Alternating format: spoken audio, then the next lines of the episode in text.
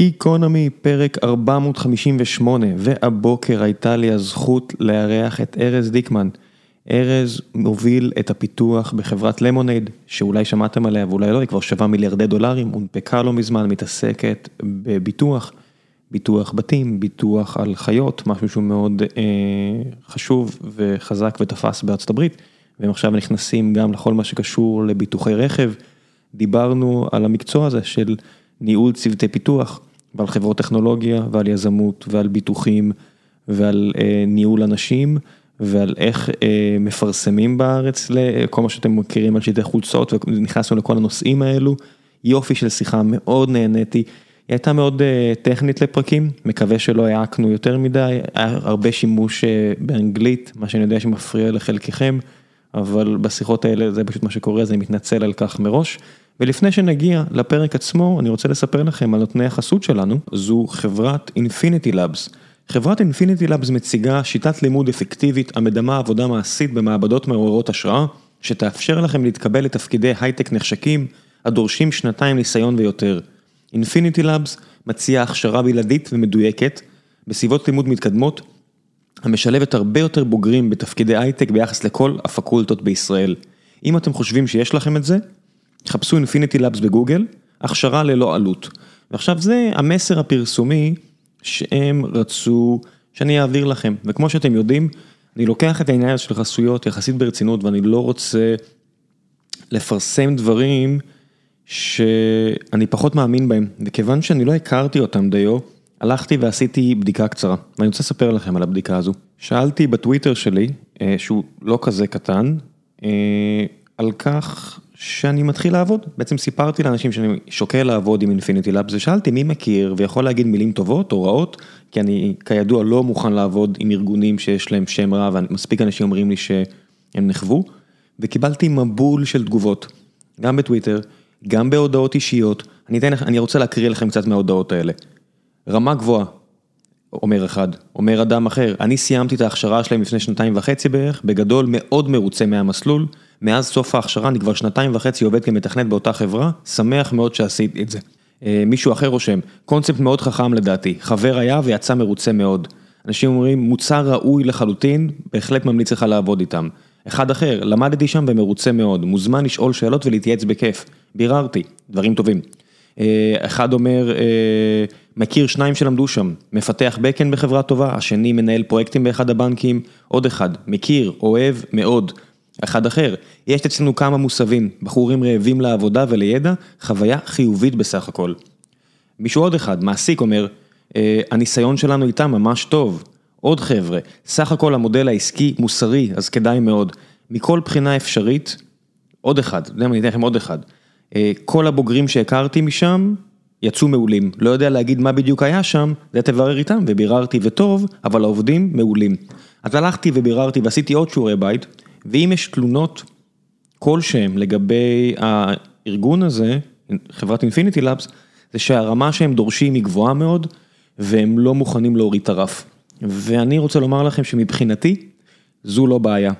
כי מה שקורה כרגע בשוק ההייטק, זו הזדמנות חד פעמית עבור רבים להשתלב בתעשייה שהיא חובה צמיחה לא נתפסת, היסטורית עבור מדינה כמונו. ממש אה, הגולדרה של קליפורניה מהמאה ה-19 רק פה, ובלי הבועתיות אולי של אז, כי הרבה מאוד חברות שגדלות כאן, כולל החברה שדיברנו עליה פה בפרק, נפלאות, וכדאי לכם לנסות להשתלב. אם אתם רוצים לעשות הסבה, עדיף לכם ללכת לארגון, לעבוד עם ארגון, שלא יוריד את הרף עבורכם או עבורכן, ויעזור לכם למצות את הפוטנציאל שלכם. אז חברת Infinity Labs, אני אשאיר לכם לינק אליהם, ועכשיו, גיקונומי, מקווה שתהנו.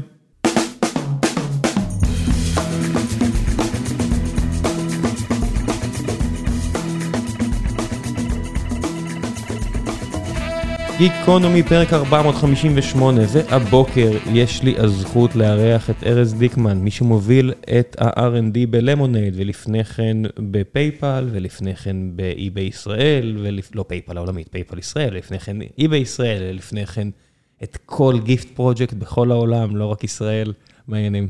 בוקר טוב, זכות כולה שלי. כן, לגמרי. אז מה, מה אתה הכי אוהב לעשות בעבודה שלך? בסופו של דבר אתה עושה את זה כבר לא מעט שנים, את אותו תפקיד פחות או יותר. אני חושב שהגיוון, בגדול. אני, אני אוהב אנשים, אני אוהב טכנולוגיה, אני אוהב מוצר, והשילוב של כל הדברים האלו ביחד, הוא, הוא מאוד עושה לי את זה. היית עובר עכשיו לחברה קטנה? זאת אומרת, אחרי שאי-ביי או פייפל, mm-hmm. בוא נגיד, התחילה להתקרב לאיזשהו קץ עבורך האישי, mm-hmm. ושקלת, אני מניח, כל מיני אופציות. כן.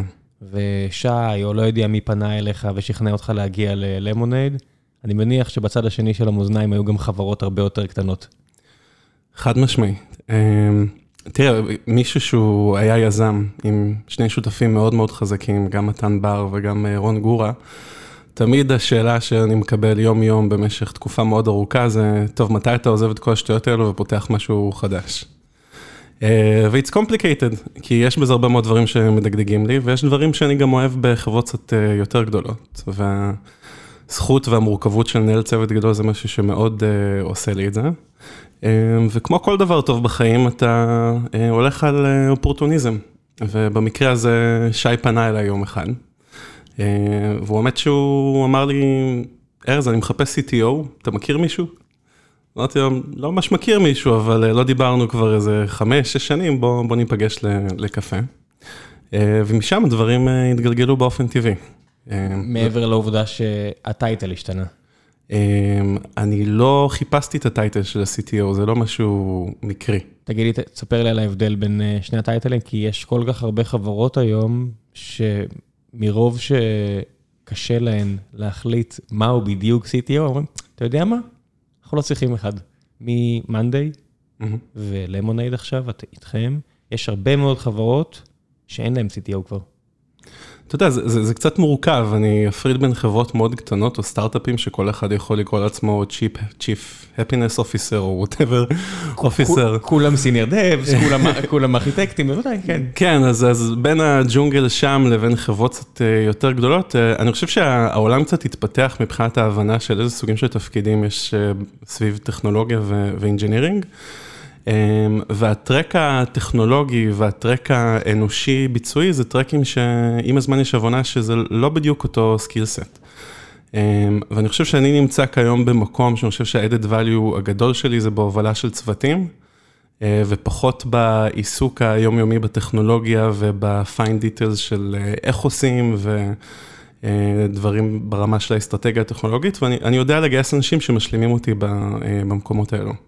ואיפה אתה נותן את הפושבק? זאת אומרת, בסופו של דבר, כמנהל, אתה גם צריך לדעת לוודא שההחלטה שנעשית טובה או לא טובה, מעבר ללסמוך מאוד על האנשים. בסוף זה עדיין האחריות שלך, ההחלטה הזו. אתה צריך לדברר אותה מול הבורד או מול המנכ"ל וכו' וכו'. חד משמעית. תראה, אני, אני מתכנת מגיל תשע. היום זה כבר לא צעיר, אני בן 38, בזמני זה היה יחסית צעיר, אני... יש חבר'ה שכותבים עכשיו שורות אה, Python בגיל שלוש וחצי, מה, מה יש לך? לגמרי, כן. אבל בזמני כדי ללמוד איך לתכנת, היית צריך ללחוץ על F1 ב Basic ולהתחיל לקרוא את ה menu למרות שאתה לא יודע אנגלית. אה, היה פחות אינטרנט, ועוד מהבית יש לי חדווה מאוד גדולה של יצירה, ועבורי פיתוח זה סוג של אה, יצירה.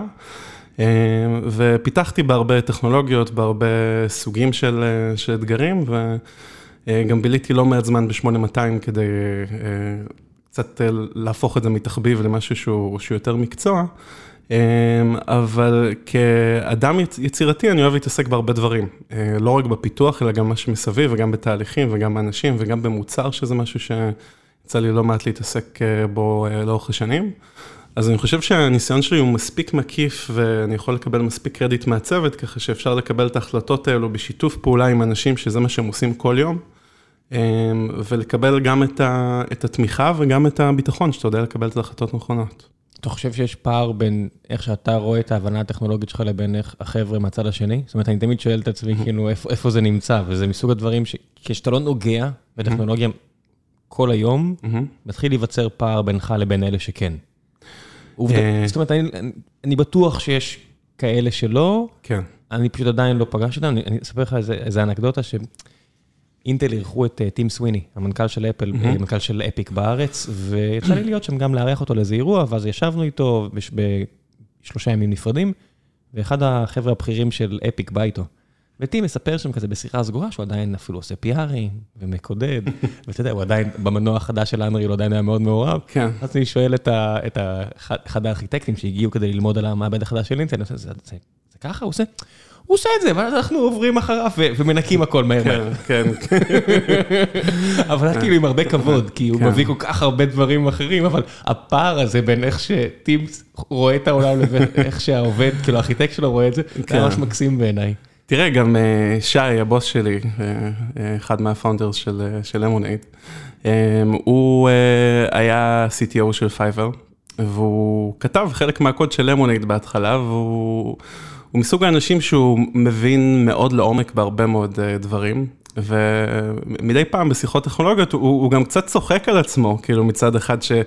אוקיי, כאילו, בימים שלי היו עושים דברים בצורה מסוימת, אבל ההבנה שלו של התחום היא, זה משהו שהוא אוניברסלי, הוא מסוגל to challenge אנשים ולהבין אם מישהו bullshitting או אומר משהו ש-make sense, ועם הזמן הוא יכול to catch up כדי to lean in לשיחות כאלו שהן מאוד מאוד טכנולוגיות. אז אם זה בעשרת אלפים רגל ואני באלף רגל, אני מרגיש שאני יכול לבנות ביטחון בצורה דומה.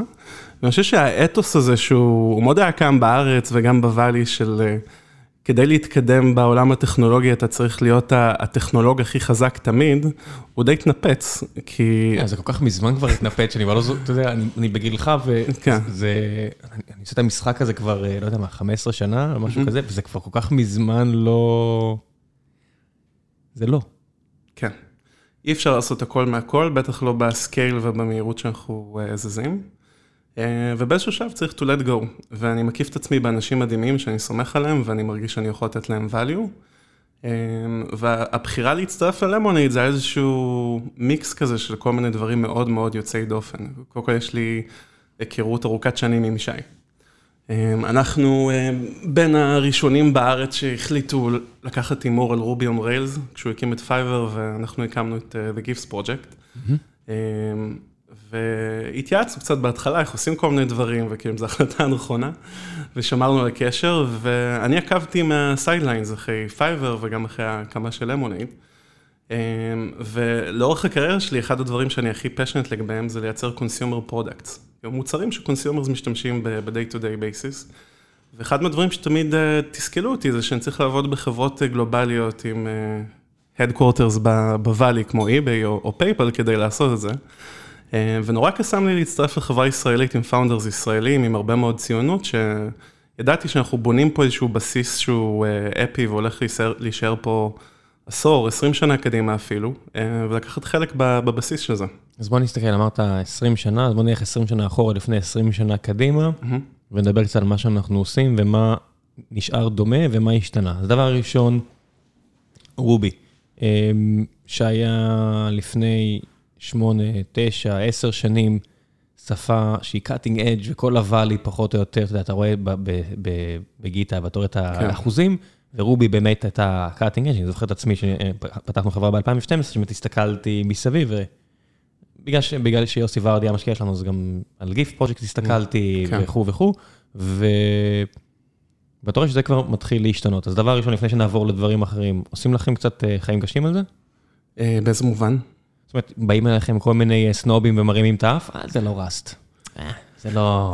תראה, העולם הזה של הטרנדים שהולך ועובר, זה משהו שאני מאוד מאוד מכיר, וכאילו, יש לי מתייחס אליו גם בחדווה וגם בקצת ציניות, אבל תנועה זה משהו חשוב, והיום כל הסרוויסס החדשים שאנחנו מפתחים הם לא ברובי בכלל. זאת אומרת, עובדתית גם אתם... גם אנחנו קיבלנו החלטה אמיצה שהיא לא הייתה פשוטה פוליטית, כן? זה לא... לבוא ולשנות tech stack בחברה שזזה כל כך מהר ו-there is so much at stake, עוד לפני שהנפקנו, זה לא החלטה פשוטה, אבל המעבר של העולם של microservices הוא מאפשר לך לקבל החלטות שהן לא catch all וגם בצורה הדרגתית. כן, אתה יכול להרים תמיד שירות קטן ב-Go, ב-Rust, מה שאתה לא רוצה ב-Node, ולבדוק אם זה עובד טוב או לא טוב, יש לך צוות שעושה לזה maintenance, והנה ניסוי מוצלח, אבל איך נעשתה ההחלטה הזו? בסוף זו החלטה די משמעותית. אתה מצטרף לחברה לפני שלוש שנים? שנתיים וחצי, כן. אוקיי, שנתיים וחצי, זה קרה ממש לאחרונה, נכון? שהתחלתם לכתוב לא ברובי? ספר לי קצת איך זה... אז האמת שזה התחיל כבר לפני שנתיים, משהו כמו חצי שנה אחרי שהצטרפתי, ואתה יודע, דברים התחילו קצת להתקמפל, ועלינו איזשהו שלב של maturity. היה ברור שה majestic monolith של DHH הוא doesn't really scale. גם אחד מהדברים שתמיד קצת הצחיקו אותי ב Basecamp, אני מאוד, אני לא בדיוק מעריץ, אני מאוד מעריך את ה founders שם. שכתבו, הוא מה foundation של Ruby, של on Rails, לא של Ruby, מן הסתם לא של השפה, אלא של הסביבה. אז הם גם חלוצים בעולם ה product, כאילו כל העולם של ה-MVP ובנייה באיטרציות, זה משהו שמאוד הגיע מג'ייסון פריד. חלוצים בדיברור דיסציפלינות, בוא נגיד ככה. לגמרי, לגמרי, היכולת תקשורת שלהם הם ללא ספק אקספשיונל. אז הם דיברו מפוזיציה של חברה שלאורך 20 שנה צמחה בקצב של למונייד צמחה תוך כמה חודשים. והכלים שהיו נכונים עבורם לאו דווקא נכונים עבור חברות שצמחות בקצב יותר גדול, פשוט עם צוות הרבה יותר גדול. ובאיזשהו שלב הרגשנו שהמונוליט doesn't scale. יש דוגמאות הפוכות, זאת אומרת, אני תמיד פה שאני שומע מישהו מדבר סרה, סרה על רובי און ריילס, תמיד שולח אותם, לא שאנחנו עם רובי און ריילס, אבל תמיד שולח אותם לציוץ של CTO של שופיפיי, שאומר, חבר'ה, הנה המספרים שלנו, זה עובד בסדר. כאילו, אז כל מי שחושב שזה doesn't scale, זה עובד בסדר. כמובן שהאמת היא שהשאלות היא, כמה זה עולה לך? כמה קומפיוט, כמה, אתה יודע, כמה, איך, בוא נסתכל על התקשורת, בוא נסתכל על החלוקה שלך ל monorepo multi, multi binaries, כאילו בוא נדבר על הדברים הקטנים, מה שאתה יכול או לא יכול לעשות, אבל הביטוי הזה של doesn't scale, אני אוהב שאנשים בראיון אומרים לי דברים כמו, מה, אתם עושים דברים Node? לא, זה לא יכול לעבוד. תראה, everything scales. כן, השאלה כמה זה עולה והאם זה הדבר הנכון, ו- if it attracts talent, וכי יש הרבה מאוד שיקולים מסביב. ואני גם עוקב אחרי המנכ"ל של Shopify בטוויטר, ואני מת עליו, ואני מת על הגישה שלו.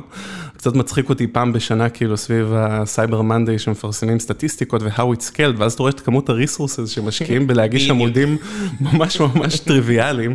אתה יודע, אוקיי, it scales, but at what cost.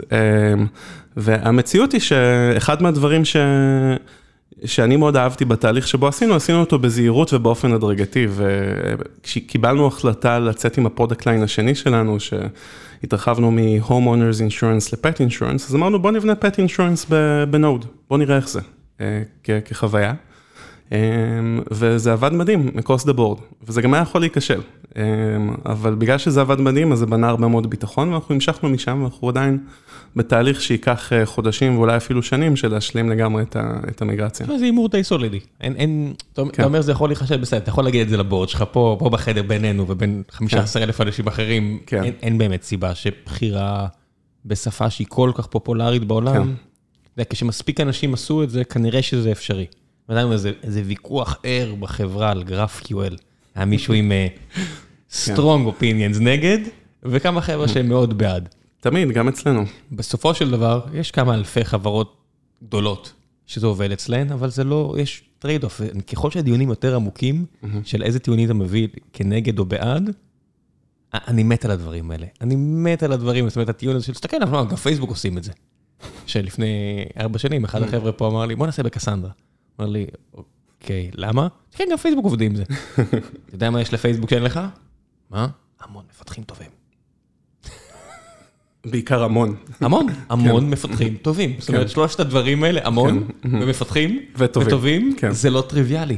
ויש הרבה מאוד החלטות שכמנהל פיתוח אתה צריך לעשות, שמסתכלות על cost, ועל כמות האנשים, ועל האילוצים, ועל המצב בשוק המקומי שאתה מגייס בו, וכו' וכו'.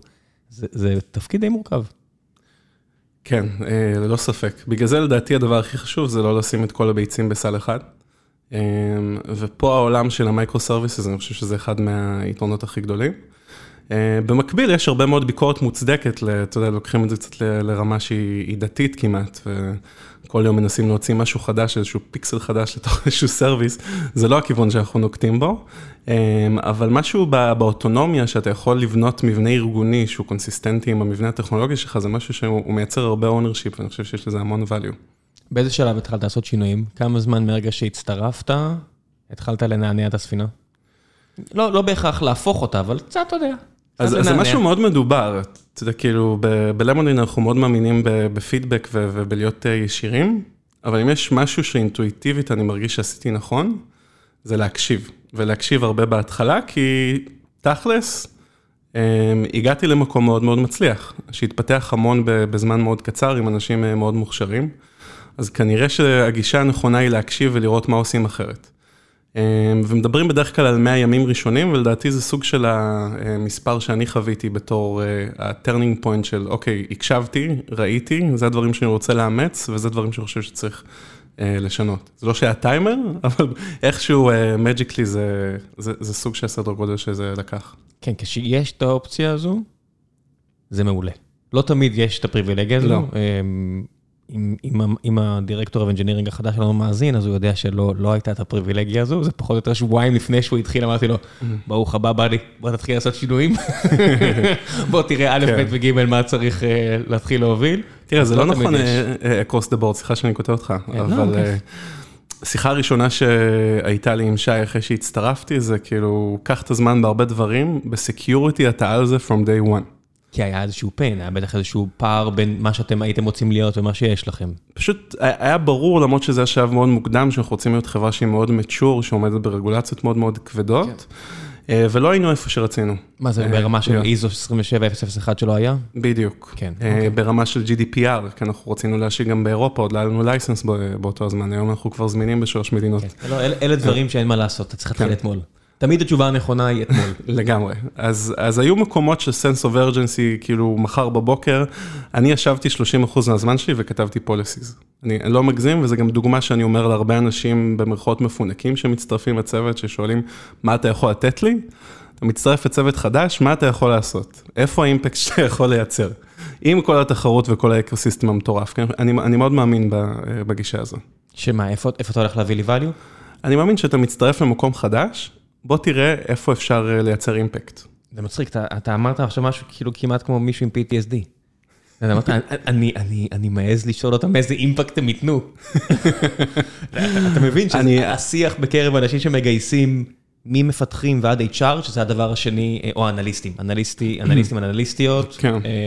זה כבר מספר 2 או 3, אני לא יודע, ברמת ה-PTSD המקומי פה אצלנו, אבל יצא לך עכשיו הערת PTSD קשה. ה-PTSD הוא גלובלי, הוא קולקטיבי, הוא לא שלי. לא, שכולם, כן. יש, יש תחושה כזאת של בגלל התחרותיות, אנחנו לפעמים שוכחים בשביל מה אנחנו קמים בבוקר. והפריבילגיה הכי גדולה שיש לנו, בעיקר עם הצמיחה הביזנסית שיש עכשיו בישראל, זה לעשות אימפקט. אתה מצטרף לחברה ואתה יכול לקום בבוקר ו-actually to move the needle, זה לא משנה איך אתה עושה את זה, אבל זה פריבילגיה אדירה מבחינתי. ולא רק עבורה, עבורך, גם עבור מועמדים, ומה שאני אוהב, לראות בן אדם שחושב כך, זאת אומרת, כולם מדברים בחוץ על השכר, על ההתפוצצות של השכר, ואכן השכר עלה, וחברות צריכות לעשות adjustments, שינויים, ולפעמים יש חברות שעשו פעמיים בשנה שינויים ועדכנו שכר, ועושים את זה, וזה מה יש. ומה שאני אוהב לראות, שגם השיח השתנה.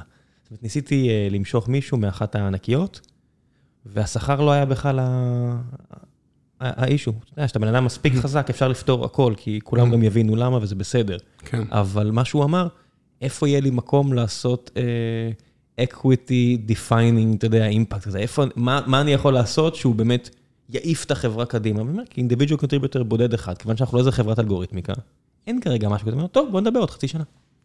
אהבתי, אהבתי מאוד את השיח הזה, שלראות אנשים שמדברים במובן הזה, אבל לפעמים יש אילוצים, אתה פתאום מתחילים לשאול אותך, רגע, אבל אמרת שתגייס עוד 20 אנשים, מאיפה?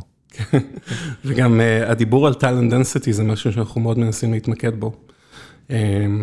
בספרים של נטפליקס מדברים הרבה על זה שצוות קטן של high performers הוא הרבה יותר טוב מצוות גדול של מדיוקר פרפורמנס, וזה קל להגיד, מאוד קשה לקיים את זה.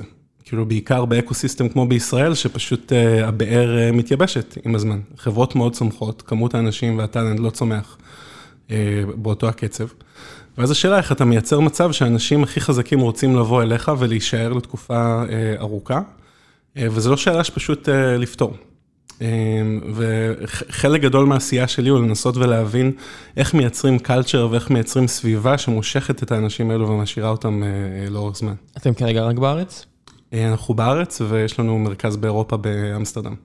שאתם מבקשים מאנשים שם להגיע למשרד? זה complicated בגלל שלרוב השנה באמסטרדם או בהולנד אי אפשר היה להגיע למשרד. כאילו מדברים על המצב בארץ, המצב באירופה היה הרבה יותר קשוח בשנה האחרונה. אבל אנחנו עשינו איזשהו shift מ-100% במשרד, גם בארץ וגם בהולנד, לבקש מאנשים להגיע ברוב השבוע למשרד. רוב השבוע זה יכול להיות שלושה ימים, זה יכול להיות חמישה ימים, כל אחד מה שמתאים לו. רוב זה מעל שלושה. זה יכול להיות גם 2.6 אם אתה מפתח, אתה יודע. כן, אבל כן. אלא אם כן יש לך מערכת ממש מגניבה שכל מה שהוא מעביר את הכרטיס או את הטלפון, או לא יודע מה אתה מסתכל, אז רוב זה שלושה. לגמרי, כן. אז מה אתם, למה דווקא הולנד? האמת ש...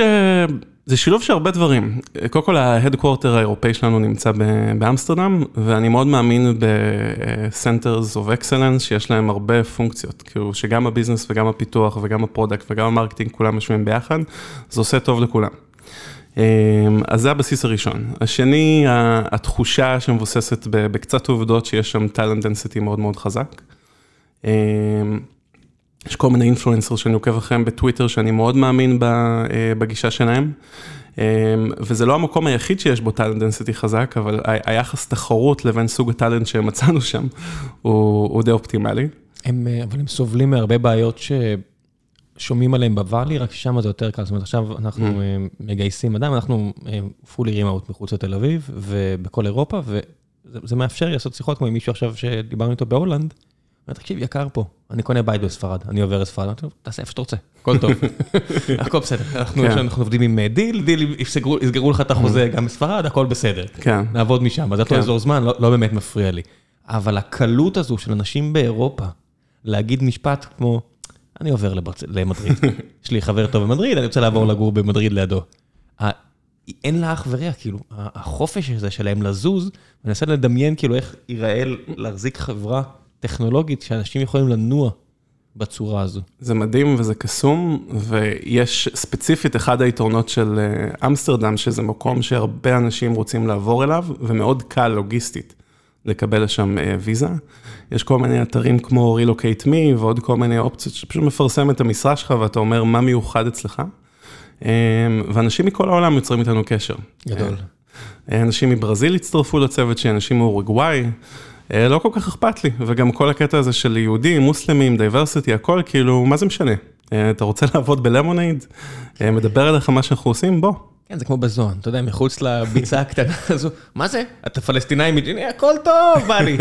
לא, בכלל, באופן כללי, כשאתה מגיע למקומות כמו טכנולוגיה, זה מדהים כמה הכל מתמסמס. ראיינו עכשיו מישהו ממזרח ירושלים, ו...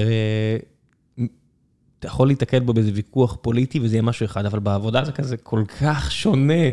וכל כך כאילו לא אכפת לי, לא, הכל טוב, עברת מגניב, לצג, הכל טוב. לגמרי. זה, זה כאילו, זה כל כך צועק שזה יהיה העתיד, אבל מציאות וזה. המורכבות אבל שמתלווה לזה, וראינו את זה עכשיו אצל Basecamp, לא יודע אם אתה עוקב, אבל... היכול שמדברר רעיונות קצת נשכה אותם בטוסיק. לגמרי, אז כאילו, איפה אתה שם את הקו ואיזה פוליטיקה בסדר לדבר במשרד, ואיזה פוליטיקה אתה צריך להשאיר בבית. מי שלא מכיר, ה founder של Basecamp פרסם מכתב שבו הוא מבקש מאנשים להשאיר את הפוליטיקה בבית, ו... הוא ציין שם שהם יהיו מוכווני מטרות, והוא ציין שם כל מיני דברים, בסופו של דבר אחוז לא מבוטל מהחברה, זו לא חברה ענקית, זו חברה של איזה 60 אנשים, אבל כ-20 ומשהו עזבו למחרת, פחות או יותר. אחוז דרמטי. כן, כן, לא. וגם אנשים חזקים, לא... 20 ומשהו זה כאפה איומה ללמונייד, שלא לדבר על בייסקאם. לגמרי. כן. כן, יש מחיר בלדבר חופשי, אתה כבר לא במקום שאתה יכול לדבר חופשי.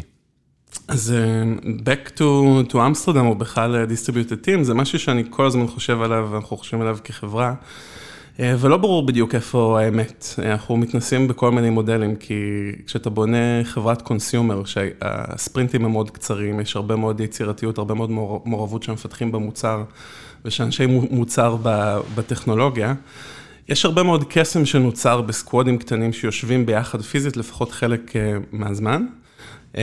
אבל שוב, I don't feel religious about anything, אנחנו נמשיך להתנסות בכל מיני מודלים ואנחנו נראה מה עובד ובאיזה קונסטלציה הוא עובד. כן, אנחנו עכשיו עוברים למשרד חדש וכואב לי מאוד העובדה שאני לא מצליח שזה יתכנס, שצוותים ישבו ביחד, בגלל שיש צוותים פה שזה שני אנשים בארץ, אז מה, זה פשוט לא מתכנס, יש צוותים שזה 70 אחוז בארץ נגיד, ואז אתה יודע, זה טיפה יותר מתכנס, אבל האופורטוניזם אפילו המחשבתי הזה, בשלב מסוים כבר אתה לא יכול לעשות אותו. וזה דבר שאתה יודע, הייתי לא דתי לגביו, אבל מאוד האמנתי בו, והנה, אתה יודע, המציאות, אתה יודע, trade off זה, אתה יודע, principles ודברים כאלה, אם אתה לא צריך לשלם במקום אחר, אז כנראה זה לא principles, כמו שתיקנו אותי על משהו, move fast פה בחבר'ה, אמרו, אתה לא שם את זה במסמך principles, כי אין בעיה ב move fast, אלא אם כן אתה אומר שזה על חשבון איכות. move fast and break things זה principle. כן. principle שנזנח, אבל נכון. זה principle. גם בחברה שייסדה אותו. כן. כי מה לעשות, לקוחות היום יש זירו טולורנס ל-broken things. חמש דקות של וואטסאפ למטה, כולם באטרף. שלא לדבר על ביטוח. זה. כן. לא, אין מה לעשות, אני... הם, המוצרים מודרניים, הם הרגילו אותנו לכזו רמה, שאם משהו לא עובד, המהירות שבה אני אתעצבן, אזנח ויתחיל ללכלך בטוויטר, תהיה... אבל זה מדהים, הסקרוטני הזה זה משהו שממש דוחף אותך לרמות אחרות של כן. מקצועיות, ואנחנו בקרוב, אי אפשר לדבר כרגע על תאריך, תאריכים, אבל אנחנו הולכים להשיק car insurance, שזה משהו real time, מישהו יכול להיות מעורב בתאונה, הוא צריך אותנו, הוא צריך שאנחנו נבוא אליו, אתה לא יכול שפשוט יהיה לך down time עכשיו. אה, וזה דברים שאנחנו מתמודדים איתם עכשיו כל הזמן. איך זה משפיע על ארכיטקטורה? העובדה שאתה הופך להיות, אתה יודע, זה כבר לא ביטוח לרוטוויילר שלך. זה, זה מאוד משפיע, והעובדה הזאת של ה-separation ל-services והגדרה של SLA שונה לתחומים שונים בתוך ה product line, זה משהו שאנחנו מאוד מאוד מתמקדים בו כרגע. נגיד, יכול להיות שיהיה לך איזשהו issue כרגע ב-pet insurance שחמש דקות אה, אה, מאיזשהו סיבה ה-onboarding לא יעבוד, אבל לא יכול להיות שעכשיו אה, אה, car insurance יהיה למטה, אבל אתה לא תוכל לקבל שירות כשקרה לך משהו כרגע בתאונה. איך נכנסים לדבר כזה? איך לומדים אותו?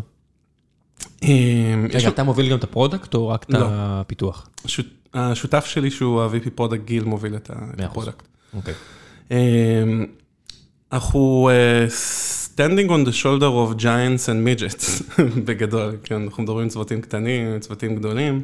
יש לנו הרבה partnerships והרבה vendors שאנחנו עובדים איתם, כאילו כמות ה-vendors שאנחנו עובדים איתם על מוצר היא פשוט לא, לא תאמן. בוא נמנה. אמ, אני לא יודע אם אני יכול להגיד שמות, אבל עשרות, כאילו זה... אתה יכול למנות את הקטגוריות, לא את השמות שלך. כן, תחשוב שאתה בונה car insurance, אז אתה צריך vendor שהוא אה, שולח לך גרר, אתה צריך vendor ספציפי שמטפל בשמשה, אתה צריך איזשהו vendor אה, שישלם למוסך, אתה צריך אה, מוסך שיטפל ברכב, אתה צריך רכב השכרה שייתן רכב חלופי. כל אלה חושפים לך API-ים?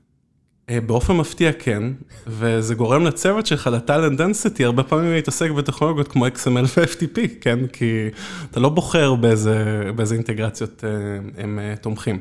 להפך, הייתי נופל, אתה יודע, היית אומר לי, היית אומר לי SOAP, הייתי אומר, נשמע הגיוני. יש, יש. כן, לא, בוודאי. בטח שיש. בוודאי, רק חסר שיש שם, אתה יודע, מישהו דופק לך בדלת, מעביר לך הודעה, ואתה צריך לסרוק אותה ולהכניס אותה פנימה. איזה דיסק און קי פעם בחודש אה, כן. שאנחנו מעבירים. עם כספת, עם כספת, תמיד היה את הדרישות האלה עם כספת. האמת שזה קצת עושה לי את זה, לא יודע, לא נעים להגיד, אבל משהו ב-old school הזה, לפעמים זה קצת נחמד להרגיש שאתה מתעסק בתעשיות שהן קצת יותר אה, מבוססות, אפשר אה, להגיד את זה.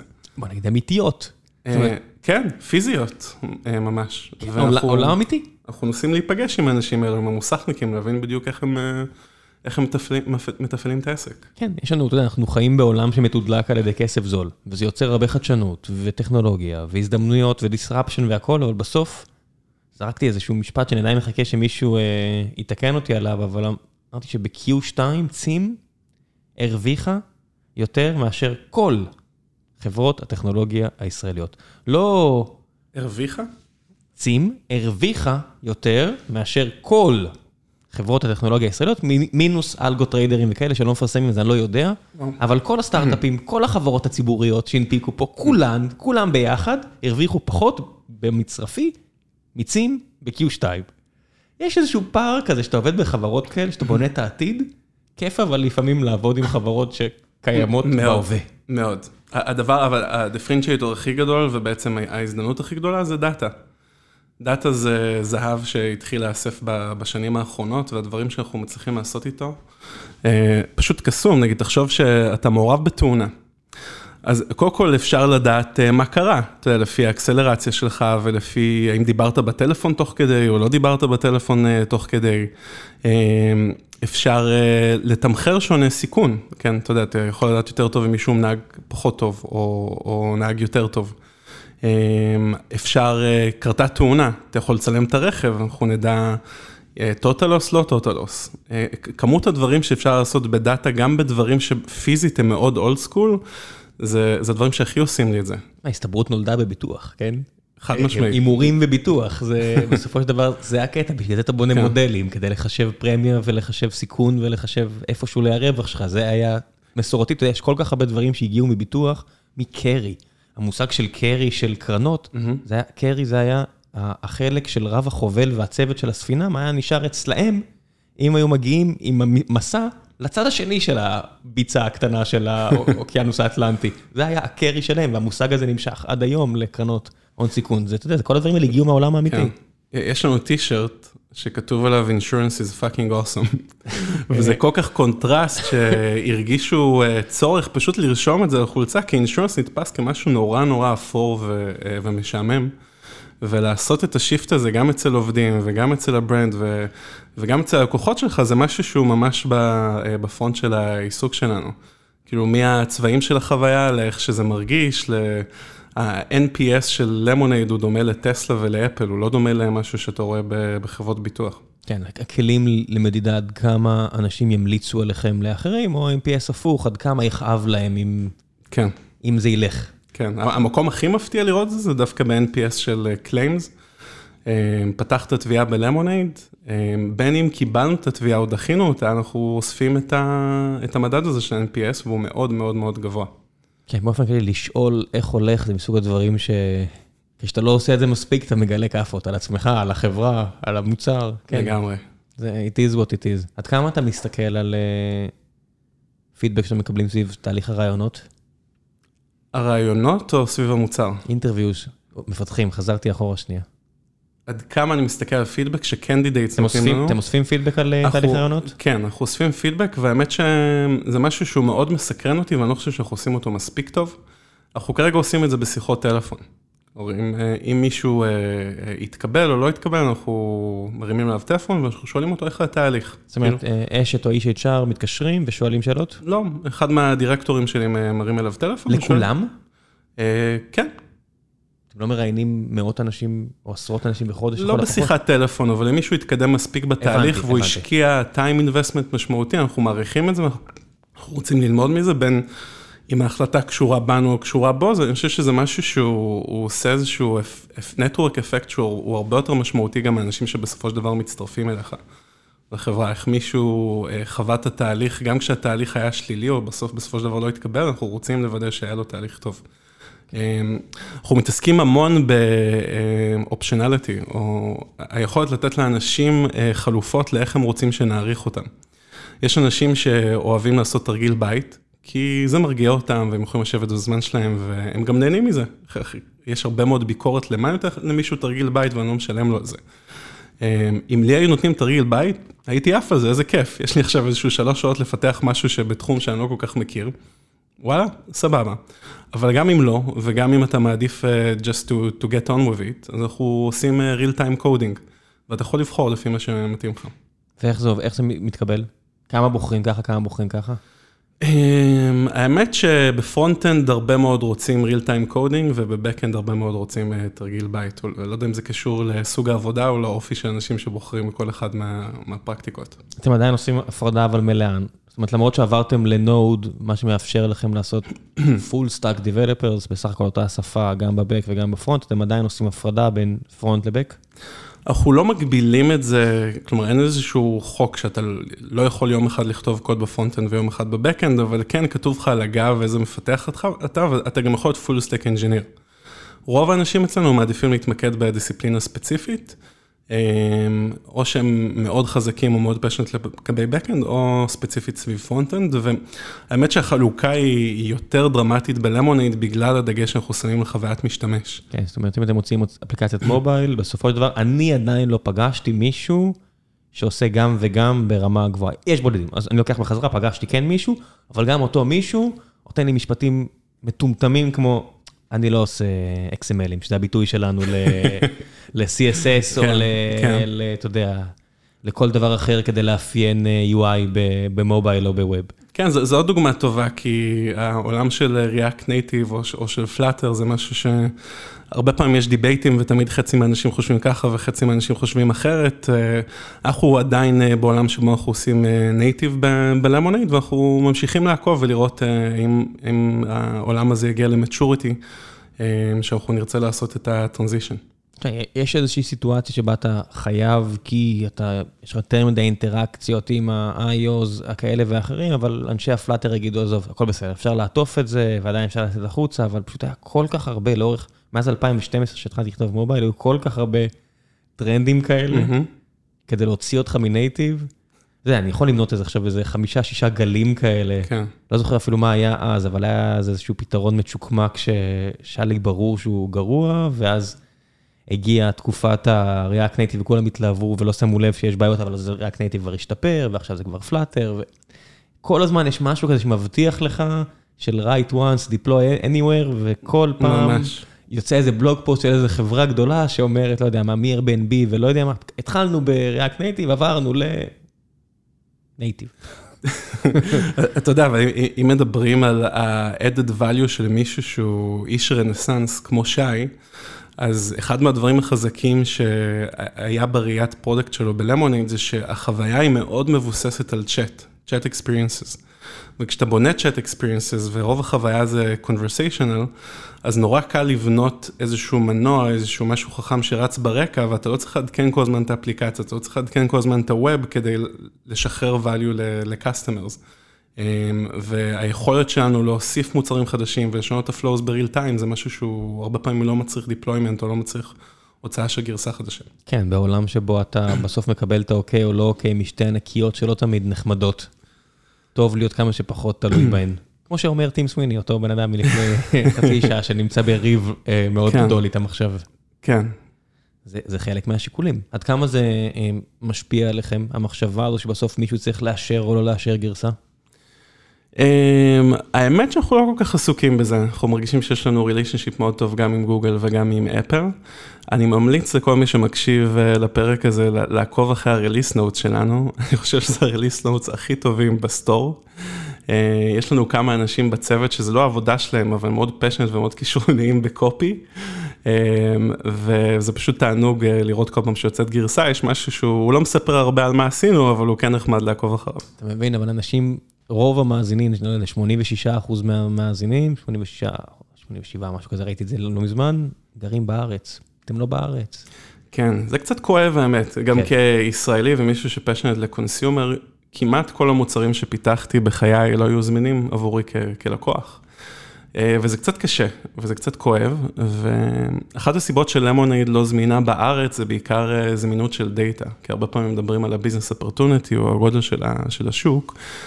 כדי לבטח מישהו בטכנולוגיה בתהליך שהוא אוטומטי כמעט לחלוטין, אתה צריך לדעת בין כמה הבית שלו ואיזה עבר של תביעות יש לו, והרבה מאוד דברים שאתה צריך לקבל ב real time שהם פשוט לא זמינים פה אה, בארץ. אה, ויכול להיות שזה ישתנה, אה, זה בטוח ייקח הרבה זמן. זה, אבל... זה לא ישתנה בשנים הקרובות, לא. בוודאות, כי השינויים האלה לוקחים זמן, וכיוון שאני יודע שלא התחילו אותם כרגע, כל מה שקשור לנדל"ן רקוב בערך כמו רוב הבניינים בתל אביב.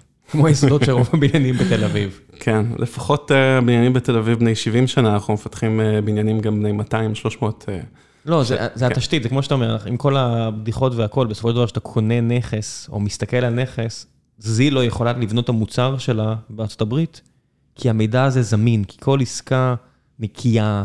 סיבה שאתה יודע, מה שמתווך נותן בארצות הברית, מבוסס הרבה על דאטה ועל פרזנטציה, ויש סיבה שהוא לוקח 6% ולא אחוז כן. וחצי פה עבור לא ברור על מה, אתה יודע, זה, יש פה תשתית ש, שחסרה מאוד mm-hmm.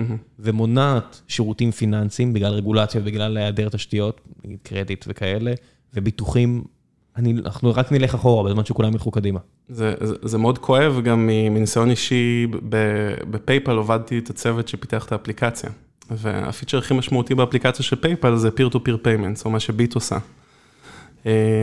ובזמני, אנשים העבירו משהו כמו 70 מיליארד דולר בשנה אה, גלובלית באפליקציה. ובארץ, מכל מיני סיבות רגולטוריות, פשוט אי אפשר היה לעשות peer-to-peer payments מבלי לקחת לזה עמלה. כן, כן, סחבק עשה את פפר פיי, ואת כל, כאילו הייתי מהחבר'ה של פפר, מההתחלה, כן. מה founding team, והסיבה היחידה שזה יכול לעבוד, זה כי לאומי... כי זה בנק. לא, כי לאומי לוקח על עצמו, אם זה בין לאומי ללאומי, הכל בסדר, זה כן. בסך הכל לשנות משהו, ואם זה מבנק אחר, אז נסבסד את ההעברה, וזה משהו שעם כל הכבוד, בנק יעשה, חברה ציבורית, תגיד, חבר'ה, זה מטומטם, כאילו, גם בנק חברה ציבורית, אבל שיקולים אחרים, פשוט לא יעשו את זה. לגמרי, ומה שמדהים דווקא באירופה, הכל פתוח, בגלל שרגולציה מחייבת אה, בנקים להיות מאוד מאוד אה, פתוחים. וגם בעולם הכבד הרגולטורי של הביטוח, יש משהו... הזדמנות ענקית באירופה שהיא לא כל כך קיימת בארצות הברית, שאפשר לבטח אנשים בצורה אינדיבידואלית. אם, אם בארצות הברית אתה מגיש איזשהו קלסר לכל סטייט ואתה אומר, עבור המאפיינים האלו והאלו זה המחיר, אני לא צוחק, אני רואה שאתה מסתכל לא, כאילו... לא, אני, אני, אני מכיר, אני, כן. אני פשוט, אתה יודע, נדע מזה כל פעם מחדש. אז, אז באירופה אתה יכול אה, לפתח מודל שיודע להסתכל עליך כבן אדם בצורה פרסונלית ולהעריך סיכון בצורה פרסונלית, וזה אחת ההזדמנויות הכי גדולות אה, שיש בשנים הקרובות. כן, היכולת לתת רפואה אישית, ביטוח אישי, כל הדברים האלה. בסופו של דבר, אם אתה בוחר לגעת בטלפון שלך בכל נסיעה אפשרית, אולי באמת הפרמיה שלך צריכה להיות יותר גבוהה. אין מה לעשות. אה, ואולי גם צריך לשקף לך את זה, כדי שתדע לקבל החלטה מודעת, אה, לקחת פחות סיכון. אתה צריך, כן. חובה, הפרמיה גבוהה, זה השיקוף, אני לא צריך לשקף לך, אני פשוט אומר לך, לך זה יהיה 10,000 שקל ולא 100 שקל, כי אתה חסר אחריות. זה היופי, אין לברוח מאמת ש... אני עשיתי תאונה בארצות הברית, באמת, נגעתי בטלפון. דפקתי אוטו לגמרי בוואלי, והחזרתי אותו לא זוכר לאיזה... מאיפה שכרתי אותו, לא אכפת להם. שירות סופר נחמד. אדוני, דבר ראשון, אם אתה הכל בסדר, אתה יודע, ידה ידה ידה, אף אחד לא נפגע, כן, יופי, קח, אוטו אחר. הם עובדים בכזו, בצורה כזו קרוד. מדהים. כן, זה מדהים לי כלקוח, כן. אבל אתה מבין שעבורם משהו פה לא עובד. לא יכול להיות ש... שאני אשלם כמו הבן אדם שלא עשה את הטעות, או כל מיני דברים כאלה. לא, יש פה חוסר הוגנות, ואחד מההזדמנויות הכי גדולות ב data science זה הורדה של bias. אחד, אתה מסתכל נגיד על חברות אה, ביטוח רכב, אז אחד מהדברים אה, הכי trendy לאחרונה זה הניסיון להוריד שימוש ב credit score. כי כיום credit score זה אחד מה proxies שמשתמשים בהם אה, חברות ביטוח כדי להגיד האם אתה משתמש מסוכן או משתמש פחות מסוכן. אבל אה, חבל, כי יש signal־ים הרבה יותר ספציפיים שמשקפים את הרמת סיכון שלך. והם לא אה, כל כך מוטים שטויות כמו credit score. זאת אומרת, כל מי שחי בארצות הברית יודע, כן. לך תקנה אותו ואז תחזיר אותו מיד, רק כדי שיהיה לך הלוואה, תשלם פעמיים, תחזיר, כל המשחקים האלה של איך to hack the system. אבל זה גם יקרה גם, אתה יודע, במערכות שבסוף מבוססות על data, אז יהיה את הצד השני של ה hacking, אין מה לעשות. אז זה קרה עם PageRank, uh, כן. וזה קורה עם איך שמאמרים אקדמיים היום זוכים, אה, זה, אפילו, זה, זה קורה בכל מערכת, מאמרים אקדמיים נמדדים על כמות הציטוטים, mm-hmm. ועל כן, אז, אז מה הם עושים? הם פשוט מתחילים לעשות בוגוס טייטל, הם מתחילים לתת כל מיני דברים כאלה, ואז עושים לזה הקינג. כן. It is what it is, כל מערכת שהיא מתוחכמת, אז הצד השני...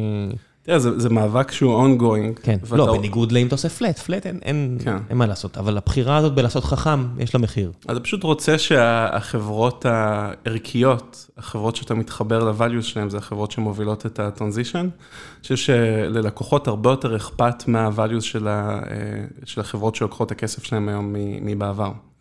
אמ, אני לא יודע אם כל המאזינים מכירים, אבל המודל הביזנסי שלנו שהוא... אמ, משנה את המהות של איך ביטוח עובד, הוא, הוא כזה שאנחנו לוקחים flat fee, אמ, והכסף שאנחנו אוספים הוא משמש בשביל לשלם תביעות, ומה שנשאר בסוף השנה ונשאר שם כסף, אנחנו אה, תורמים בסוף לצדקה בשם הלקוחות שלנו. אמ, זה גם משדר מסר של ערכיות, שזה משהו שהלקוחות מחפשים, זה גם עושה אימפקט חיובי על החברה. וזה גם פותר את הקונפליקט שיש בין חברות ביטוח למבוטחים, כי תחשוב שאתה תובע חברת ביטוח מסורתית על 5 דולר, זה 5 דולר שיורד לך, יורד להם מה bottom line, אמ, אז לא משנה כמה כוונות טובות יש להם, יש פה איזשהו קונפליקט בסיסי שהמודל שלנו פותר.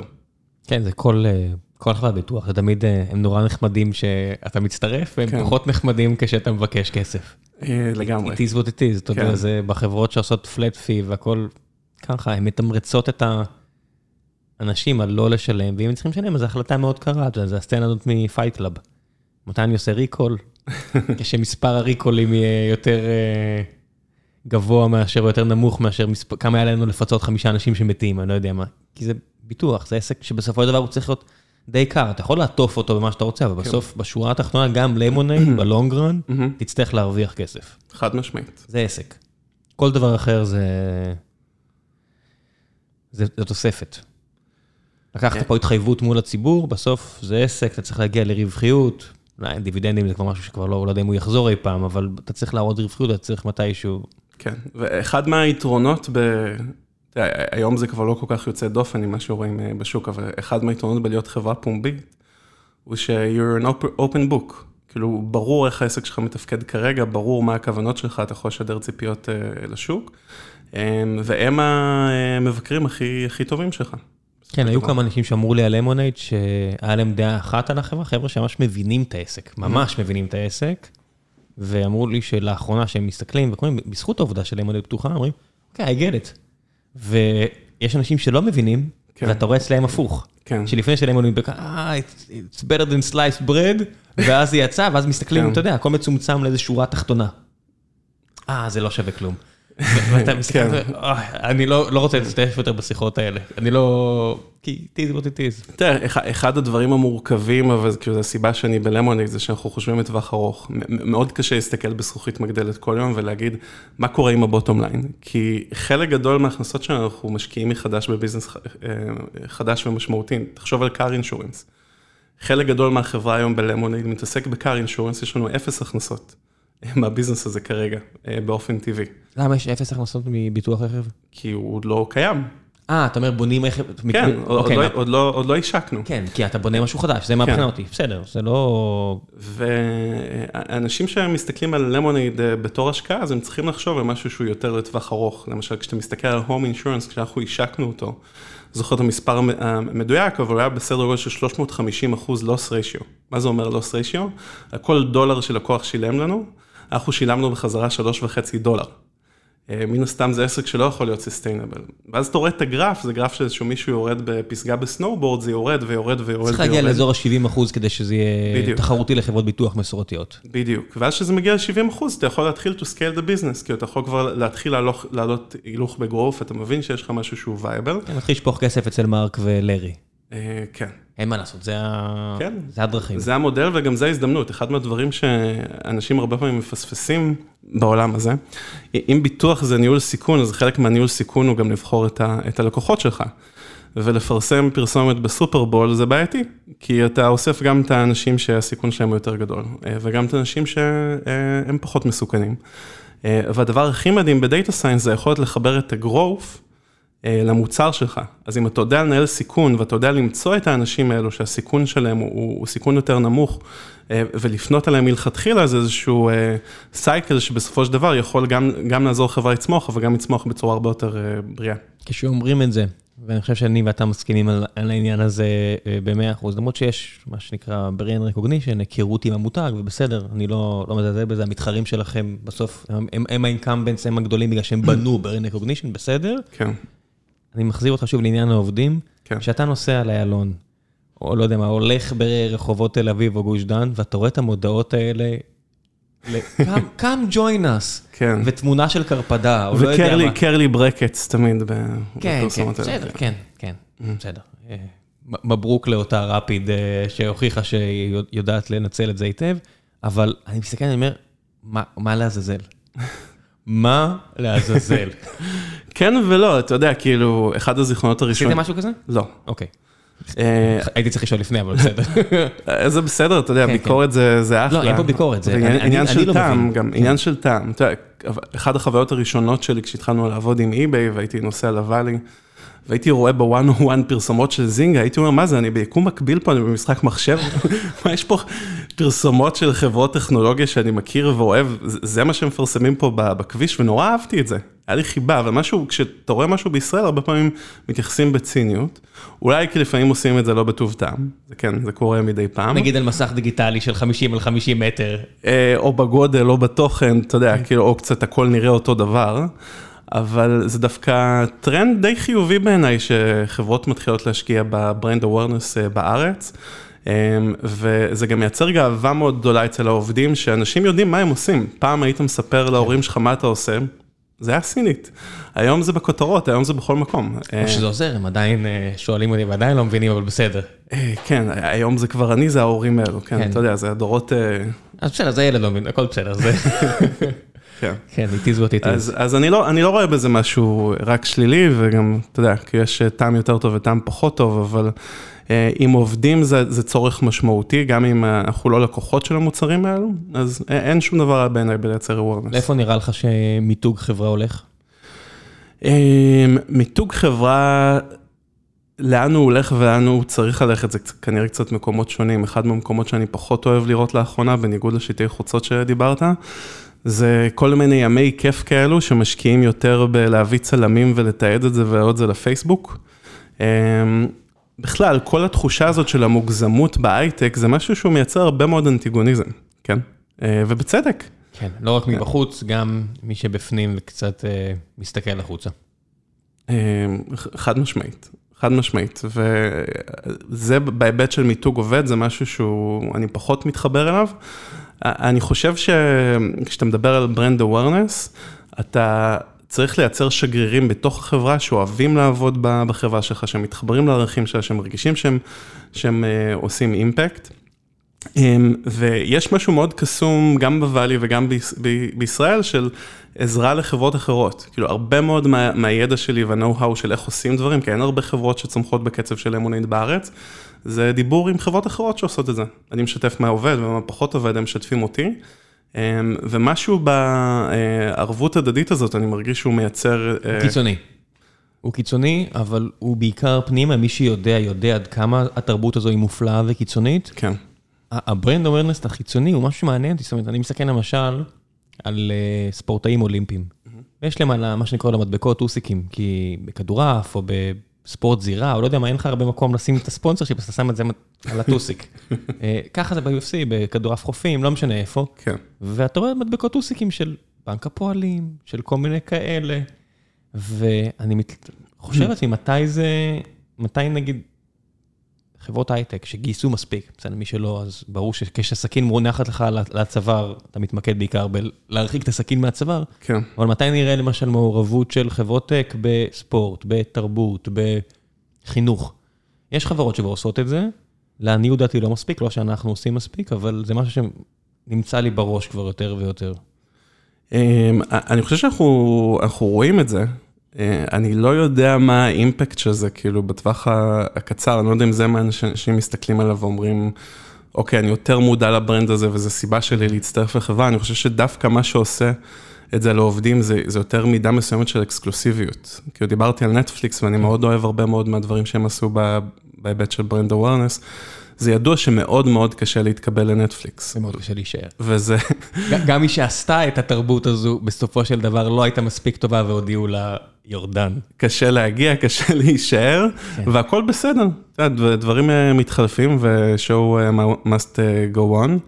אני חושב שהעולם הזה של תחרותיות ולייצר מקומות עבודה שבאמת באמת יש שם top talent, זה הסוד של brand awareness. אתה מוכן לשלם אבל את המחיר המוסרי שלהם? זאת אומרת, אני מסתכל על דברים שהם עשו, מצד אחד אני סופר מקנא וסופר מעריך. מצד שני, אני אישית לא בטוח שאני מוכן ללחוץ על הכפתור, זאת אומרת שהם מפטרים עובדים, כי יש להם חוק בחברה של תגיד מול הפנים ואל תדבר מאחורי הגב, כן. ושיש שלושה מנהלים די בכירים, ששחררו קיטור על מנהל אחר, ואז זה מתגלה, אז שלושתם מפוטרים, בגלל שהם כתבו משהו בסלק. אז מצד אחד אני אומר, שמע, זה נטפליקס, הם באמת חיים את התרבות שלהם, שאני סופר מעריך את זה, מצד שני, זה רמה מסוימת של ספרטניות, כן. שהיא לא, לא בשבילי, אני לא מסוגל להיות הבן אדם הזה. תראה, אז, ו... אז גילוי נאות, אני לא עבדתי בנטפליקס, לא, ואני קורא ספרים, לא. ויש לי בוסים שעבדו כן. בנטפליקס, וכי ההתרשמות החיצונית שלי, וגם מה שכתוב בספרים, שקודם כל, באחוזים לא מפטרים שם משמעותית יותר מבחברות אחרות. הרבה פעמים ה turnover בחברות הוא מגיע דווקא מה attrition, ושם ה attrition הוא הרבה יותר נמוך.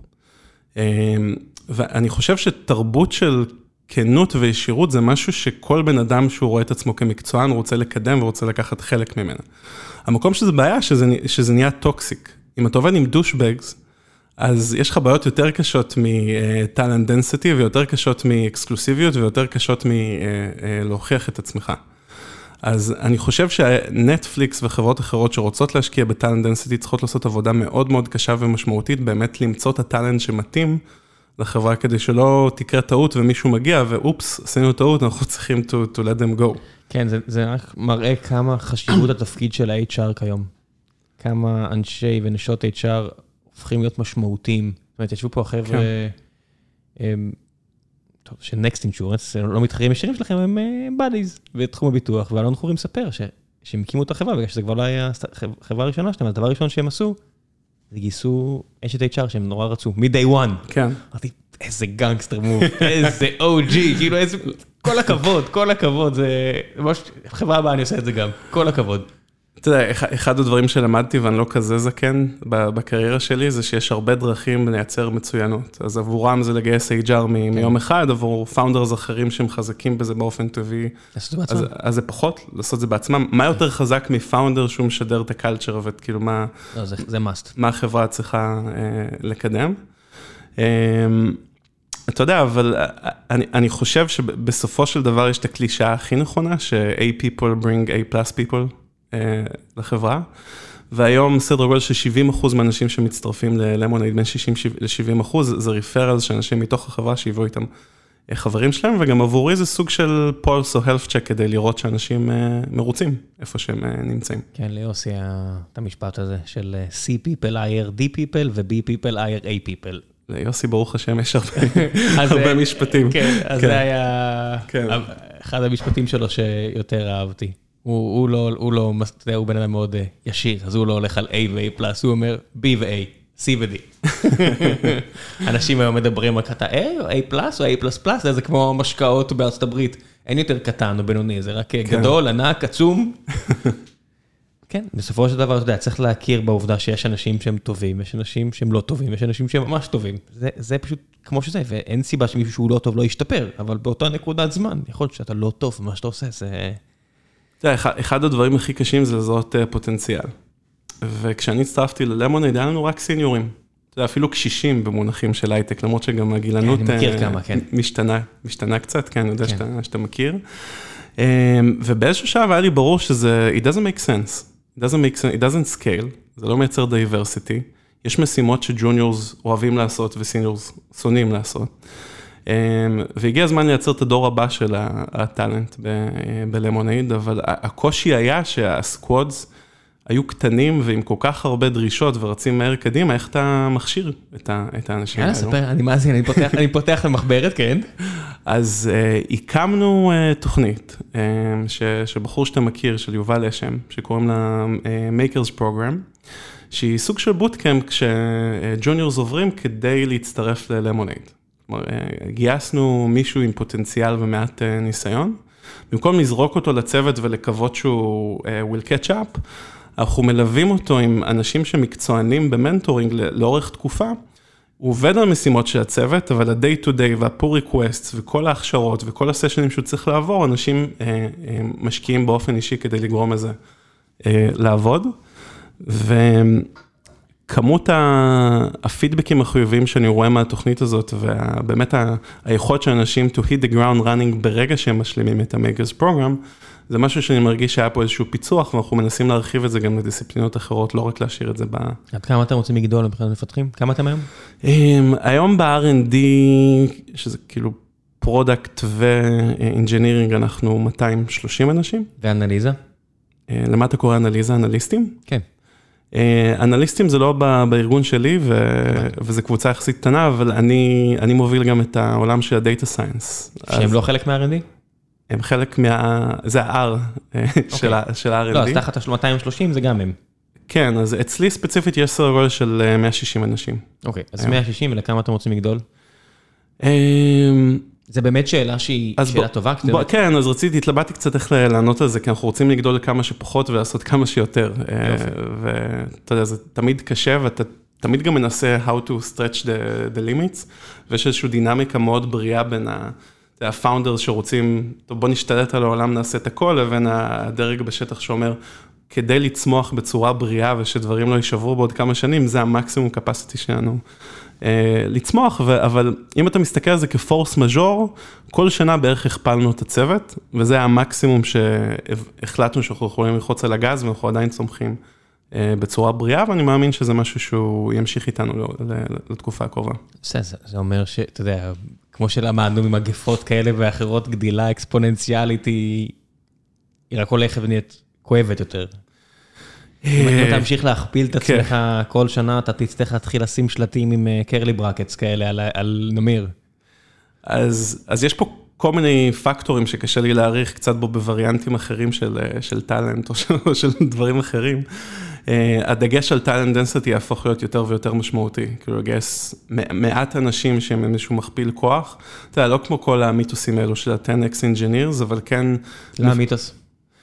אה, אני חושב שצבעו את זה בצבע מאוד מאוד שלילי, אז אני... מה? רגע, אז אני מכיר מיתוס ורוד על 10x engineer, מה זה מיתוס שלילי? לא, היה לפני שנה, שנה וחצי מלא אה, ציניות בטוויטר סביב איזשהו טוויט ספציפי על 10x engineer, כאילו שיש איזשהו douchebag שיושב במחסן והוא עושה את כל העבודה. וזה נורא ייצר איזשהו קונטרסט בצדק, uh, for the most part, ולא... אה, עזוב אותי, צר לי, אבל יש אנשים שהם סופר סופר מוכשרים, שהם באמת נותנים אימפקט של עשרה אנשים אחרים, זה לא בחייב להיות בכמות קוד או דברים כן. כאלה, פשוט האימפקט שלהם הוא כל כך משמעותי, והם גם נחמדים, יש אנשים כאלה. אני מסכים איתך באלף אחוז, כן. וזה סוג האנשים שאתה צריך uh, לרדוף אחריהם ולשמר אותם בכל דרך uh, אפשרי. אתה כל הזמן רק צריך פשוט להבין מה זה אימפקט. אם יש לך בן אדם שיש עסקה שעומדת ליפול, והוא לא מוותר עליה, והוא יודע איך לגרום לזה לקרות, כי הוא איזה טק ליד פנטסטי, והעסקה הזאת היא 2 מיליון דולר, נחשו מה. הוא 10x, כי הוא הכפיל פי, לא יודע כמה, את, את השווי, את השכר שלו, והוא הוביל משהו, והדבר הזה יהיה אה, כן. סמן ימני לעוד פעולות כאלה, כי יש גם עניין של מומנטום, וכשיש לך אנשים שדוחפים קדימה, אז הם מובילים גם אנשים אחרים להשתפר, ויש כאלה, אני מצטער, אבל, משמעית, אבל כן. יש כאלה, אתה יודע איך אתה יודע? כי אתה, יודע, זה כמו טבעוני, איך אתה יודע שאדם הוא טבעוני? הוא יגיד לך? אז איך אתה יודע שבן אדם הוא 10xer, או לא יודע איך לקרוא לאנשים המיוחדים האלה? אתה עובד איתם, ואתה פשוט מסתכל עליהם מהצד ואתה אומר, אוקיי, אני צריך כאלה. יש את החיוך הזה ש... שמתמלא לך בפרצוף, שאתה חושב על הבן אדם הזה, אתה אומר, וואו, איזה, איזה בר מזל אני שיש לאנשים. אני קורא לזה הניסים, הניסים שלי, אתה יודע, זה... כי זה הרבה מזל לצערי, כי נורא קשה לאפיין את זה, נורא קשה לזהות אותם מרחוק, נורא קשה להביא ולשמר חבר'ה. זה מזל וזה relationship, זה כן. אנשים שאתה רוצה שיצטרפו אליך לכל ה journey שלך בחיים. בחיים, בדיוק, כן. כן, אם אתה כן, כן. מסוגל. כן. כן, האמת שזה טוב שהעלית את זה, וטוב שהעלית את זה בצורה חיובית, כי הייתה תקופה מאוד ארוכה שהיה משהו toxic סביב ה-10x engineer. אמ, למרות שמחקרים, וגם נטפליקס מצטטים את המחקרים האלו, הם מראים שכשמשווים talent שהוא יצירתי, בתחום שהוא יצירתי, לא בתחום שהוא יצרני, אז באמת שיש לך אנשים שהתפוקה שלהם הם פי 10 ופי 20 מאנשים אחרים. אין, אין, אין לי ספק לגבי זה, ואחד, אתה יודע מה מבחינתי 10x של מנהל? אני אני שואל את השאלות האלה, אם אתם עכשיו באים מטרנסי, תדעו שזה מגיע, את מי אתה מביא איתך? הכי פשוט. באמת, הנה, עכשיו הבאנו COO, אנחנו מכירים אותו כבר 20 שנה, והוא כן. הוא, הוא איש אדיר, אבל הוא מיד הביא איתו, ה director of engineering שהוא פנטסטי, פנטסטי. תיזהר עם ה-no solicitation והכל פה. עזוב אותי, אנחנו בטוחים בעצמנו, זה כמו, לא, אנחנו סבבה פה. והביא איתו עוד אנשים מעולים. זה ערך גם של מנהל, אתה מבין? הוא מביא איתו אנשים. ואם אתה לא יודע להביא איתך את האנשים האלה, אני מתחיל לשאול את עצמי, למה לא? זאת אומרת, מה, אנשים לא אוהבים לעבוד איתך? לא הבאת להם מספיק ערך?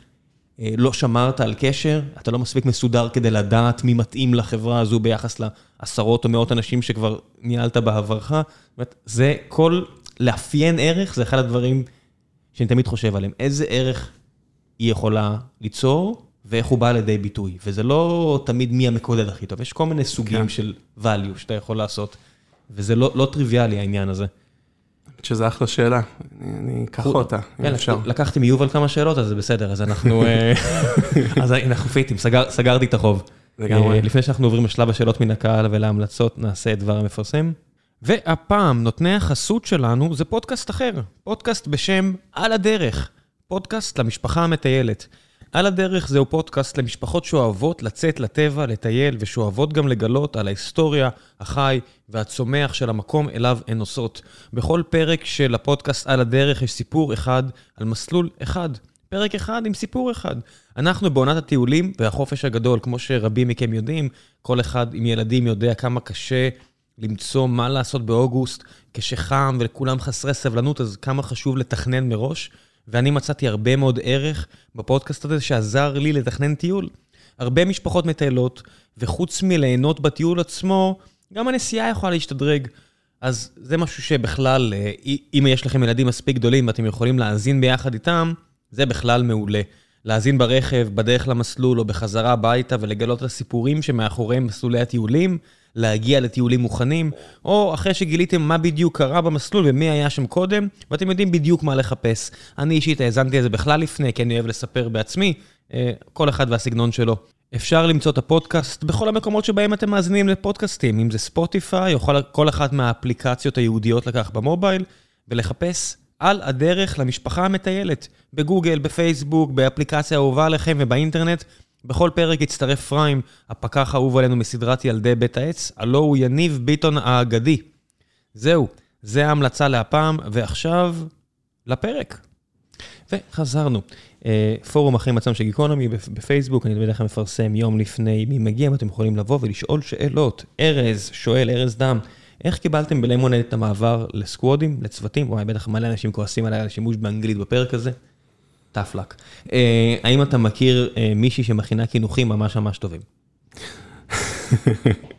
זה שתי שאלות נפרדות או שאלה אחת? אני מניח שהקינוחים זה מה זה זוגתך, זה... הבנתי, אז נתחיל מהקינוחים, אז אשתי, תמיד אומר שהכרתי, השגתי שני דברים באוניברסיטה וחיפשתי להשיג שני דברים באוניברסיטה. אחד, הכרתי את מתן, שהוא שותף שלי בסטארט-אפ, והשני, הכרתי את אשתי, שירן, שכשהיא סיימה את האוניברסיטה הייתה מפתחת בסיסקו. אה, אבל מהר מאוד אה, הבנו שתחום אה, הפיתוח פחות מתאים לה, לא כי לא טובה לזה, היא פשוט... אולי כי היא עבדה בסיסקו. אולי, יכול להיות שמקום אחר היה יוצר לה גורל אחר לגמרי, אבל בתחום היצירתי, ספציפית בתחום של האפייה, אז היא מצאה איזשהו פתרון של גם לשלב יזמות, גם לשלב טכנולוגיה וגם לשלב יצירת תוכן, ויש לה את אחד הבלוגים המצליחים בארץ, וואלה. שהוא בלוג באנגלית. אמ, תקופה ארוכה היה בו יותר visitors מב Lemonade.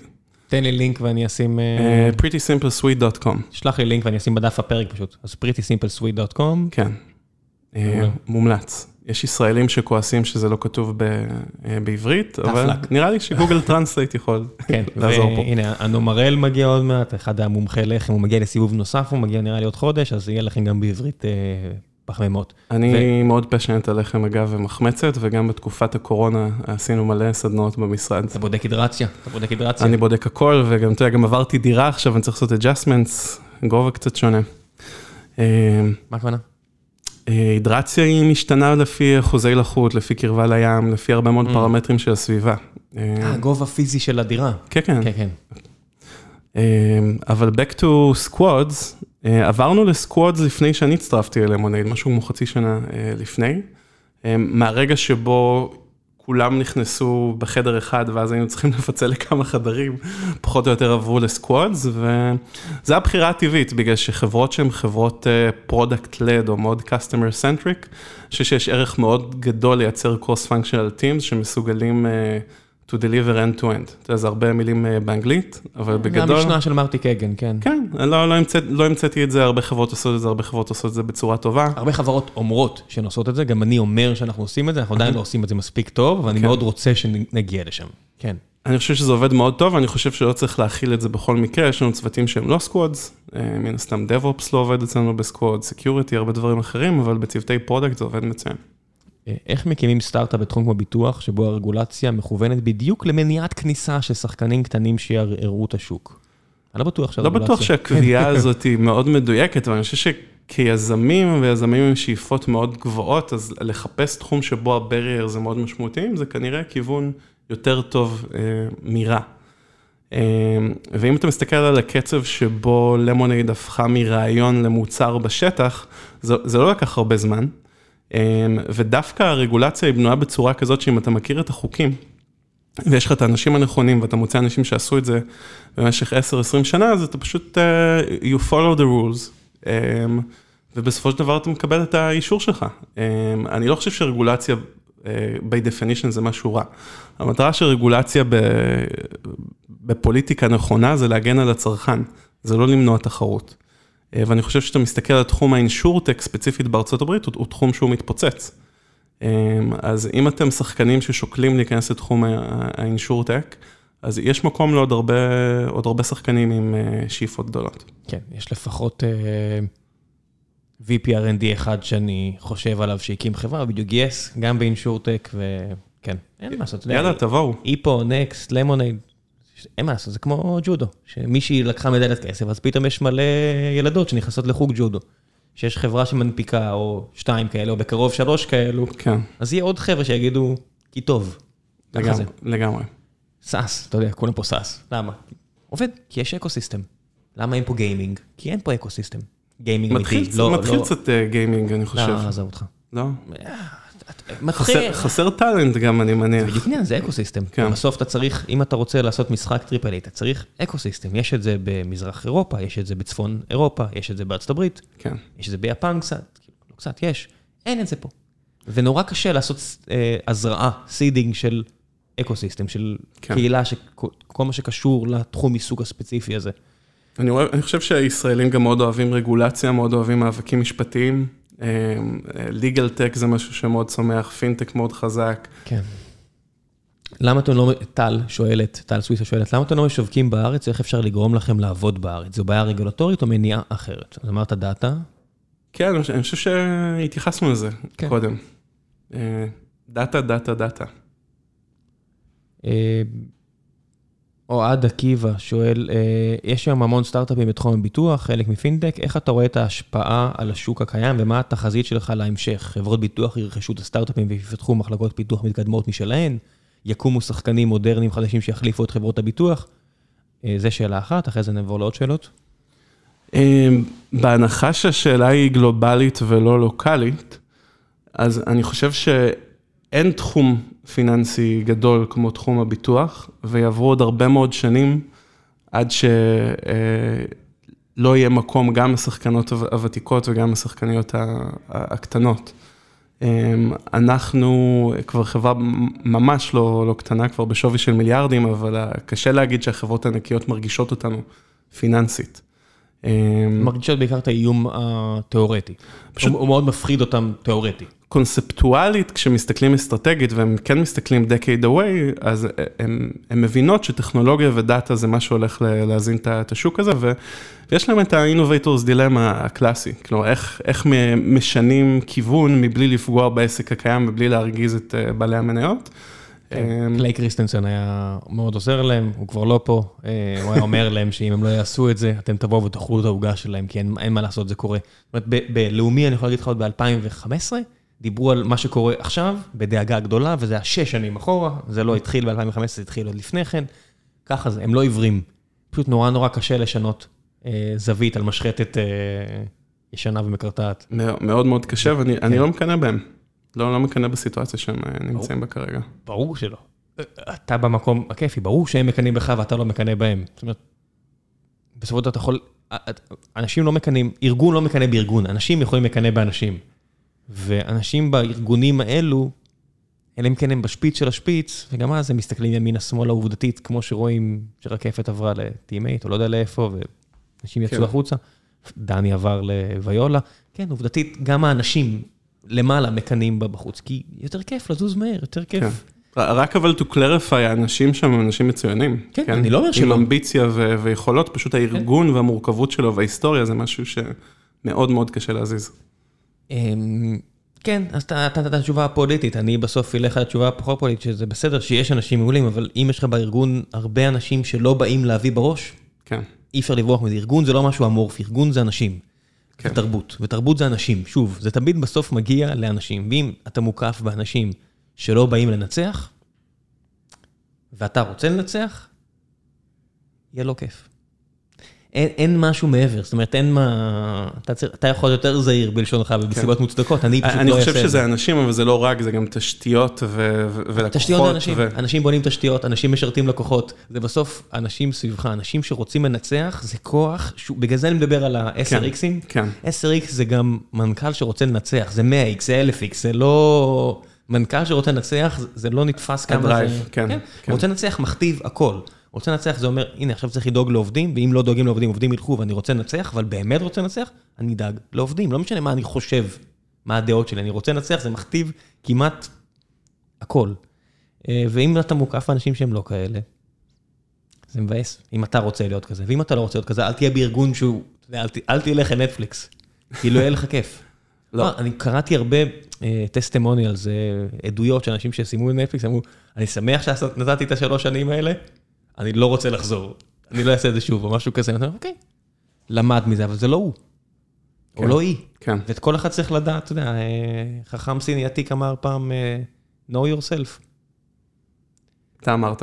כן, לא, לא, אני לא, אני ציטטתי. אה, חייב להגיד שאני יוצא קצת אנרג'ייזד מהשיחה הזאת. גם אני.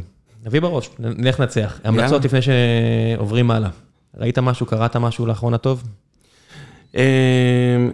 כן, אני חושב שה... אני מרגיש כאילו אני רק מצטט פה את נטפליקס, אבל זה גם סוג הפ- הפידבק שאני מקבל מאחרים. יש אה, ספר אה, די חדש מלפני שנה, אני חושב, No Rules Rules. אה, ספר מצוין על leadership ועל people, אם כבר מדברים על אה, People Officer או HR, או איך אנחנו קוראים לזה בתקופה הזו. פשוט priceless. כן, לא יודע למה, HR נהיה, אה, זה כמו מקודד, שאף אחד לא רוצה, כולם רוצים להיות VP of Engineering, או Director of Engineering, או לא יודע מה, senior, בסוף אתה מקודד ואין מה להתבייש בזה, כן. אז HR גם כבר לא... אנחנו משנים כל הזמן טייטלים, למה אומרים היום staff engineer ולא ארכיטקט? כי הציפייה היא כבר שונה, אז אתה משנה את השם כדי שזה, שזה יתלווה לזה. כן, למרות שאני אוהב HR, את המילה HR, Human Resource, אתה יודע, כן. להסתכל על העובדה שבסוף זה Human, וזה המשאב הכי חשוב של החברה, אני אוהב את אתה נתפס כמשהו מפעם. ו- לא, לא אתווכח איתך על זה. כן, אבל אנשים שרוצים לתפקיד, כן, אז אני נאלץ לשנות. כי, כי ככה זה, לא משנה מה אני חושב, בסוף אם אתה רוצה לנצח, כן. אתה מתכופף. גם חכם סיני אמר את זה פעם. אתה מכיר הרבה חכמים סינים? לא, אני סתם יודע לצטט איזה שתי מימורות מטומטמות, אבל אה, כן, Art of War זה ספר אה, מומלץ מאוד, אם אתם רוצים בכל... קניתי את זה לאחד החבר'ה שעבדו איתנו, פסיכולוג כלשהו. וקניתי לו כזה מהדורה מיוחדת של אה, The Art of War. פסיכולוג עבד איתכם? כן, כן, כן, פסיכולוג עבד איתנו. באיזה capacity? אמ, פחות ממה שאני חושב שצריך, אה, ויותר ממה שחבל שלא, לא יודע מה, אה, עבד איתנו.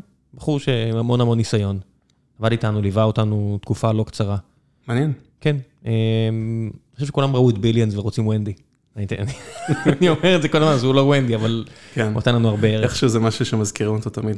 כן, זה... כן. אה, אנשי HR מנוסים, נשות HR מנוסות, לרוב נשים- מאוד שונאות את ההגדרה הזו, כי הן רואות מה היא עושה לא טוב, הדמות בסדרה, כי כן. זו סדרה קריקטוריסטית, שבשלב מסוים כבר היה בלתי ניתנת לצפייה, מרוב שהיא קריקטורה, אבל המכפיל כוח הזה בדמות יועץ או יועצת שיודעים גם לתת את העצה הנכונה, זה מדהים. אני, אני אתן המלצה, בטח הבאתי אותה פעם, אחד, אחד לשלילה, אחד לחיוב. אה, דניאל כהנמן הוציא ספר חדש, אחרי Thinking Fast and Slow, הוציא עכשיו ספר על Noise. באתי עם הרבה ציפיות, לצערי אה, זה לא הולך לשום מקום טוב. אה, פשוט rehashing של אותם דברים, ולא הביא לי יותר מדי ערך, אז אני לא נותן המלצה טובה, למרות שהוא שינה את העולם. איש אדיר, והמלצה כן חיובית, Trillion Dollar Coach. על מהמם. מישהו שהוא נקרא טריליאן דולר, הוא כבר לא איתנו, אבל זוכר, ביל משהו, לא זוכר את השם, ביל קמבל. הוא ייעץ מאריק שמיט, ואז לכל מיני חבר'ה אחרים, שבזמנו הוא ייעץ לכל החברות האלה, הוא שוות טריליון דולר, היום גוגל כבר שווה צפונה מטריליון, אז זה לא כזה כבר חוכמה, אבל בהלוויה שלו היה שם כאילו שורות שורות של כל הוואלי מתברר, והם לא ידעו אפילו שהוא עזר לכולם, הוא בכלל היה. מאמן פוטבול. אבל בסוף העניין הזה של רגישות ולדבר עם אנשים, בסוף הכל זה אנשים. אנשים כותבים קוד, אנשים בונים בניינים, אנשים מרימים חברות, אנשים human resource. אנשים זה זה החיים, אין מה לעשות. אה, אתה יודע, מי שקורא פחם אז יש לו פחם, אבל אנחנו כן. מתעסקים עם אנשים. יאללה, בוא נלך לנצח. ביי. טוב, תודה.